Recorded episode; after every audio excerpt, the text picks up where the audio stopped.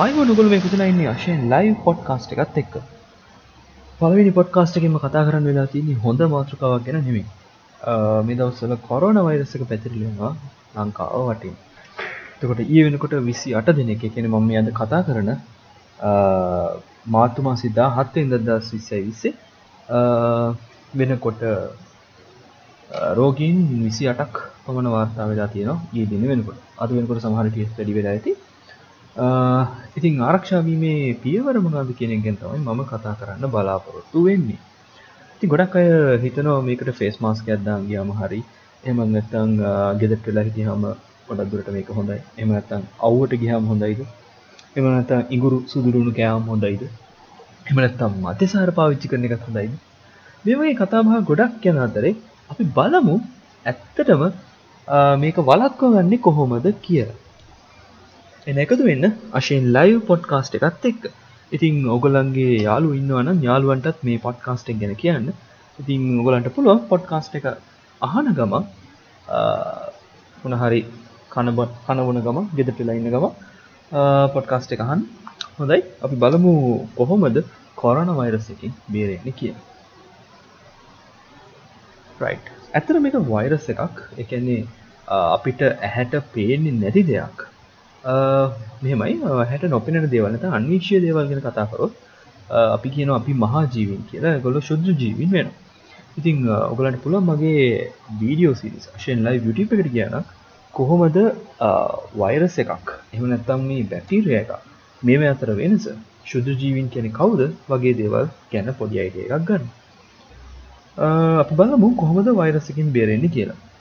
ඇතන මේක corona කාණ්ඩය. නැතන් corona කියල කියන්නේ කිරුල. නැත්තං ක්‍රවුන්් කියන එකට ලතින් වචනයක්. ඉතිං මේ වෛරසක් ගත්තාම වෛරස එක අන්තශ්පෝරය නැත්තං අපි කියනවා වෛරස් එක වටේ තින පොඩි කවයක් නැත්තං ආවරණයක් වගේ යගේ ප්‍රවේණික ද්‍රව්‍ය අඩංගු වෙන කොටස කොපුුවක බහලා වගේ තමයි තියෙන්නේ.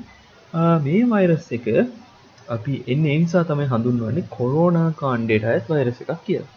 ඉතින් කොරෝනා කාණ්ඩට අයිති වෛරස එකක් කියලා කියන්නේ මේ අලුත් දෙයක් නෙමෙයි අපි සාමාන්‍යයෙන් දකින අපිට උණ හිම්බිරිසාව හැදෙන වෛරස් එක උණ කියන්නේ ඇත්තටම රෝගයක් නෙමෙයි රෝග ලක්ෂණයක්. ඉතින් හිම්බිරිසාව වගේ දෙයක් අපිට හදවන වෛරස් එකේම පොඩි වෙනස් වීමක් කියලා අපිට අයිඩියා එකක් ගන්න පුළුවන්. ඉතින් වෛරස් එකක් කියලා කියන්නේ අපිට ඇහැට නොපෙනෙන දෙයක් කියලා මම කියවනේ.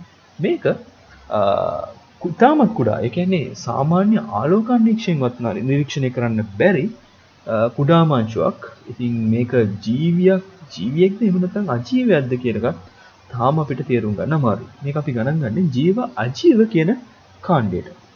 ජීව අජීව කාණ්ඩයට ඇති මේ කුඩා වෛරසයකට මුළු ලෝකයක්ම හොල්ලන්න පුළුවන් සහ මුළු ලෝකෙම ආර්ථිකය දනගස්සන්න පුළුවන් වෙලා තියෙන මිනිසුගේ ක්‍රියාකාරීත්වය නිසාම තමයි විවිධ කතාබාත් තියෙනවා. මේක ජෛවාවියක් එහෙම නැත්නම් මේක වැරදීමකින් සයින්ටිස්ලගේ ඇතින් වැරදීමකින් මේ පරිසරයට මුදාහරණ දෙයක් මේක වූහන්ල තිබ්බ මොනහරි ෆැක්ට්‍රිය එකක් එහෙම නැත්නම් විද්‍යාගාරයකින් මික්ස් දෙයක් අපි දන්නේ නැහැ මොනවා වුණත් දැන්ද තියෙන ප්‍රශ්නේ අපි මේකෙන් බේරෙන්නේ කොහොමද කියන එක.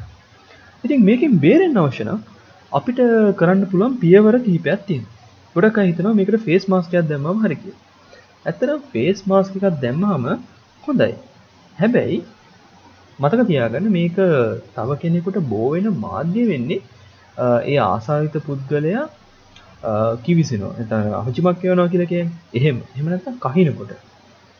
පිට වෙන බිඳිපි එකන්නේ අපේ දැකල තියෙන අපිට හචිමක් යනකොට අපේ නහයෙන් කටෙන් විසි වෙනවා සොටු දියර කෙල්ල පිදිතිය වගේ දෙවලිසෙනවා මෙන මේ දේවල් ඇවිල් අපේ මූුණට කෙලිම වැදුනොත් අපිට මේ වෛරසක බෝවෙන්න පුළුවන්. එහෙමත් නැත්තං වෙනත්ම නැත්තං අපි බහුලෝ බවබෝ වෙනවා කියලා හිතන්න පුළුවන්. කෙනෙක් නහය හුරලා හෙම නැත්තං හචිමක්්‍යව දත කියලා ඒවගේ පිටවෙච්ච බිඳිති ගිහිල්ලා තව කෙනෙකුගේ ස්පර්ශයක්. එකන්නේ උදාහරන පිදිර අපි කියල බස්සක පොල්ලල්ල මැද පොල්ල ඉසරට යනක අහන්නේ වගේ කකල්ලු හම ඒ කෙනා නිරෝගි පුද්ගලෙක් ගිහිල්ලා අපි ඒ අයියා අල්ලපු තැනි මල්ල එතට මේ විස බීජය තම වෛරස එක අපිට බෝවෙනවා අර කියන බසගේ පොල්ල ඇල්ලුහා මේ වගේ දේවල් නිසා අපට බෝවෙන්න පුළුවන්. ඒ වගේම තවත් බෝවෙන්ඩ පුළන් ක්‍රමයක් තින් විනිති සහ අපේ තියෙන ස්ලේෂ්මල හිමනත අපේ ඇගේ තියෙන තරල වලින් තම මේක බෝවේ ඉතින් තරල්ල සම්ප්‍රේෂණය නොවෙන විදිර අපි වැඩ කරනවාන ගොඩක් දුරට අපිට පුළුවන් මේ වෛරස් එකෙන් බේරේ ඉතින් මම හිතනවා අපි සාමාන්‍ය ෆේස් මාස්ක එකක් දානවට වඩා ගලව් එකක් දෙම ගලවස් දෙමන ගදෙකට මිට වඩා අපිට මේක බේරෙන පුළුවන් කිය කොමනත් ඔගොල්ලෝ හැමතිස්සම අත හෝදන්න. එක තමයි හොඳම විසඳුන්න සහ ඔගේ මුව ඒවගේ දෙවල් හෝදන විස බීජනාශක පාවිච්චි කරන්න. මේ මේ වගේ දෙවලින් අපිට මේකින් බේරෙන්න්න පුළුව ඔයිට කතමට මුලින් උපදෙසි දෙන්න තිය වෛරස ගැන කතාකරොත් මේ වෛරසක පැතිරීම සිද්ධ වෙන්නේ පුද්ගලින්ගෙන් පුද්ගලට දැනට. පුද්ගලින්ගෙන් සතුන්ට බෝවෙච් අවස්ථා අපිට චීනෙන් වර්තා වුණ. නැවතත් සතුන්ගේ මිනිස්සට බෝවෙන්න්න පුළුව ඉති ගොඩක් දුරට අපි ආසාධිතයෙක් නම් ඔබ ආසාධිතයෙක් නම් වඩා හොඳමදී ඔබ පුද්ගලයෝ ගැවස නිස්ථානලින් මගේ ඇරල ඉන්න. පුළන්තරෙක්ම නිරෝධන මධ්‍යස්ථානය කෙහුණත රෝහලකට ගිහිල්ලා යාපංචි වෙන විශේෂම මේ රට ඉනම් පිටරටකින්න ආපු කට්ටිය. ඔබ ශ්‍රමිකයෙක් තම ඔබ අපේ රට මුදල් ගියනවා එක ඇත්ත. එවනට ගොඩක් අය කියනවා අපි සල්ලි ගෙනවා මේ රට ඇයි අපට මෙහෙම කරන්න? හොඳක පහුගි කාල මේ ගුවන් ප්‍රතිපුටයක හූ කලබගෑනියක් වෙලා තියෙන එහෙම වෙන්න ඕනි නැහැ. ඔබ දැනගන්න ඕනේ ඔබේ පවුලෙ කට්ටිය ඔබේ ඥාති ඔබේ දවාදරුවන් ඔබේ අම්ම තාත්තා මේකට ගොදුරුනොත් ඔවුන්ට මේක දරාගන්න අමාරු ඇතර මේක අවධානම් කලාපයක් තියෙනවා. ඉතින් ගොඩාක් දුරට අවධානම් කලාපය වෙන වැඩි මහලු කට්ටිය. හේතුව මේක ප්‍රතිශක්තිය අඩුවුණු දැන් සාමාන්‍යයෙන් මේක අපි කියමු දෙයියන් ලෙඩක් කියලා. දෙයියන් ලෙඩක් කිව්වම ගොඩක් අය බය වෙනවා. ඇත්තටම මේක දෙයියන් ලෙඩක් කියලා ඔබ හිතනවා නම් මම හිතනවා ඔබ වඩා ආරක්ෂිතයි. මොකද මතක ඇති? ගම්වල දෙයියන් ලෙඩ හැදුනම වටේට කොලාතු එල්ලලා ගෙදරට මිනිස්සු කවුරුත් යන්නේ නැතුව. ඔවුන් දින ගණනාව දවස් 21ක් වගේ දැන් ස්කෝලේ යන කාලේ මට මතකයි අපේ දෙයියන් ලෙඩ හැදිච්ච කට්ටිය දවස් 21කින් පස්සේ තමයි ස්කෝලේ එන්නේ කියන්නේ මාසයක් විතර ආසන්නව ස්කෝලේ එන්නේ.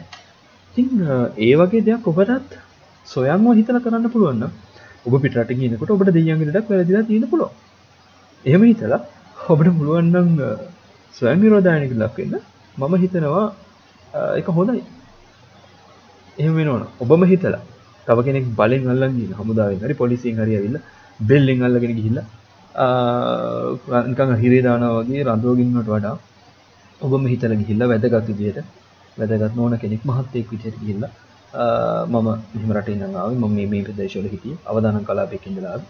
ඉතින් මම කැමතියි මේ නිරෝධායනයට එහෙම නිරෝධායන වෙනවනේ ගොඩක් හොඳයි. මොකද ඔබ නිසා තව කෙනෙක් ඔබ හිතන ඔබේ ඥාතියෙක් ඔබේ සහෘදයෙක් එහෙම නැත්නම් ඔබේ අම්මා තාත්තා ඔබ නිසා අනතුරකට පත් වෙනවා නම් ඔබ නිසා උන්ට ජීවිතේ වන්දි ගෙවන්න සිද්ධ වෙනවා නම් ඔබට ජීවිත කාලෙට මේක දරා ගන්න පුළුවන්. ගොඩක් අමාරුයි නේද? අන්න ඒ නිසා තමයි මම මේ පොඩි ඕදන දෙන්නේ.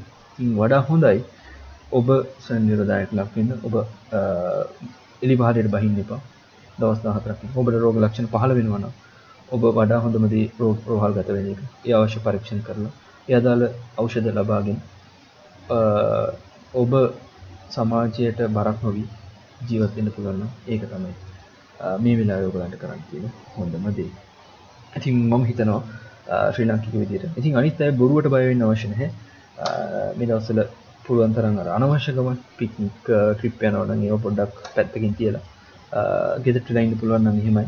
කාර්යාලයට යනවා නම් කාර්යාලය ඇතුලේ ඉඳගෙන වැඩ කරනවා නම් ආරක්ෂිත පියවර විදිහට හැමතිස්සෙම සබන් යදාත් සෝදනවා නම් විස බීජනාශකයක් පාවිච්චි කරනවා නම් ඔම සබන් යදාත් විදීම ගැනත් ගොඩක් අයගේ වැරදි මතයක් තියෙනවා මේක සබන් ගාලා අත පොඩ්ඩක් හේතුවම හරි නේද ඒක වෙනත් මම වීඩියෝ එකක් කරලා තියෙයි ඒකත් පොඩ්ඩක් ගිහිල්ලා බලන්න ෂේන් ලයිව් YouTube channel එකත් එක්ක ඉතින් ඔය ටික තමයි මට කියන්න අවශ්‍ය වුණේ සතුටින් ඉන්න අනිත් අයට ලෙඩේ බෝ කරන්න එපා ඔබට රෝගය තියෙනවා නම් හෝ ඔබට සැකයක් තියෙනවා නම් පුළුවන් තරම් දුරස් වෙලා ඉඳලා ඔබ සුව වුණාට පස්සේ අනිත් අයත් එක්ක සතුටින් ජීවත් වෙන්න.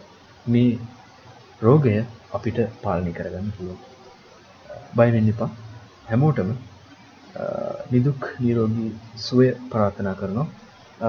එහෙනම් මේ පොඩ්කාස්ට් එක මෙතනින් නිමා කරනවා. මම අශේන් ලයි. මේ පිළිබඳව අදහස් දක්වන්න මම ඒක ගොඩක් වටින දෙයක් විදිහට බාර ගන්නවා. බොහොම ස්තුතියි මේ වීඩියෝ මේ පොඩ්කාස්ට් එකත් එක්ක තුනා නම් එහෙනම් ගිහින් එන්න අපි ඊළඟ පොඩ්කාස්ට් එක හම්බයමු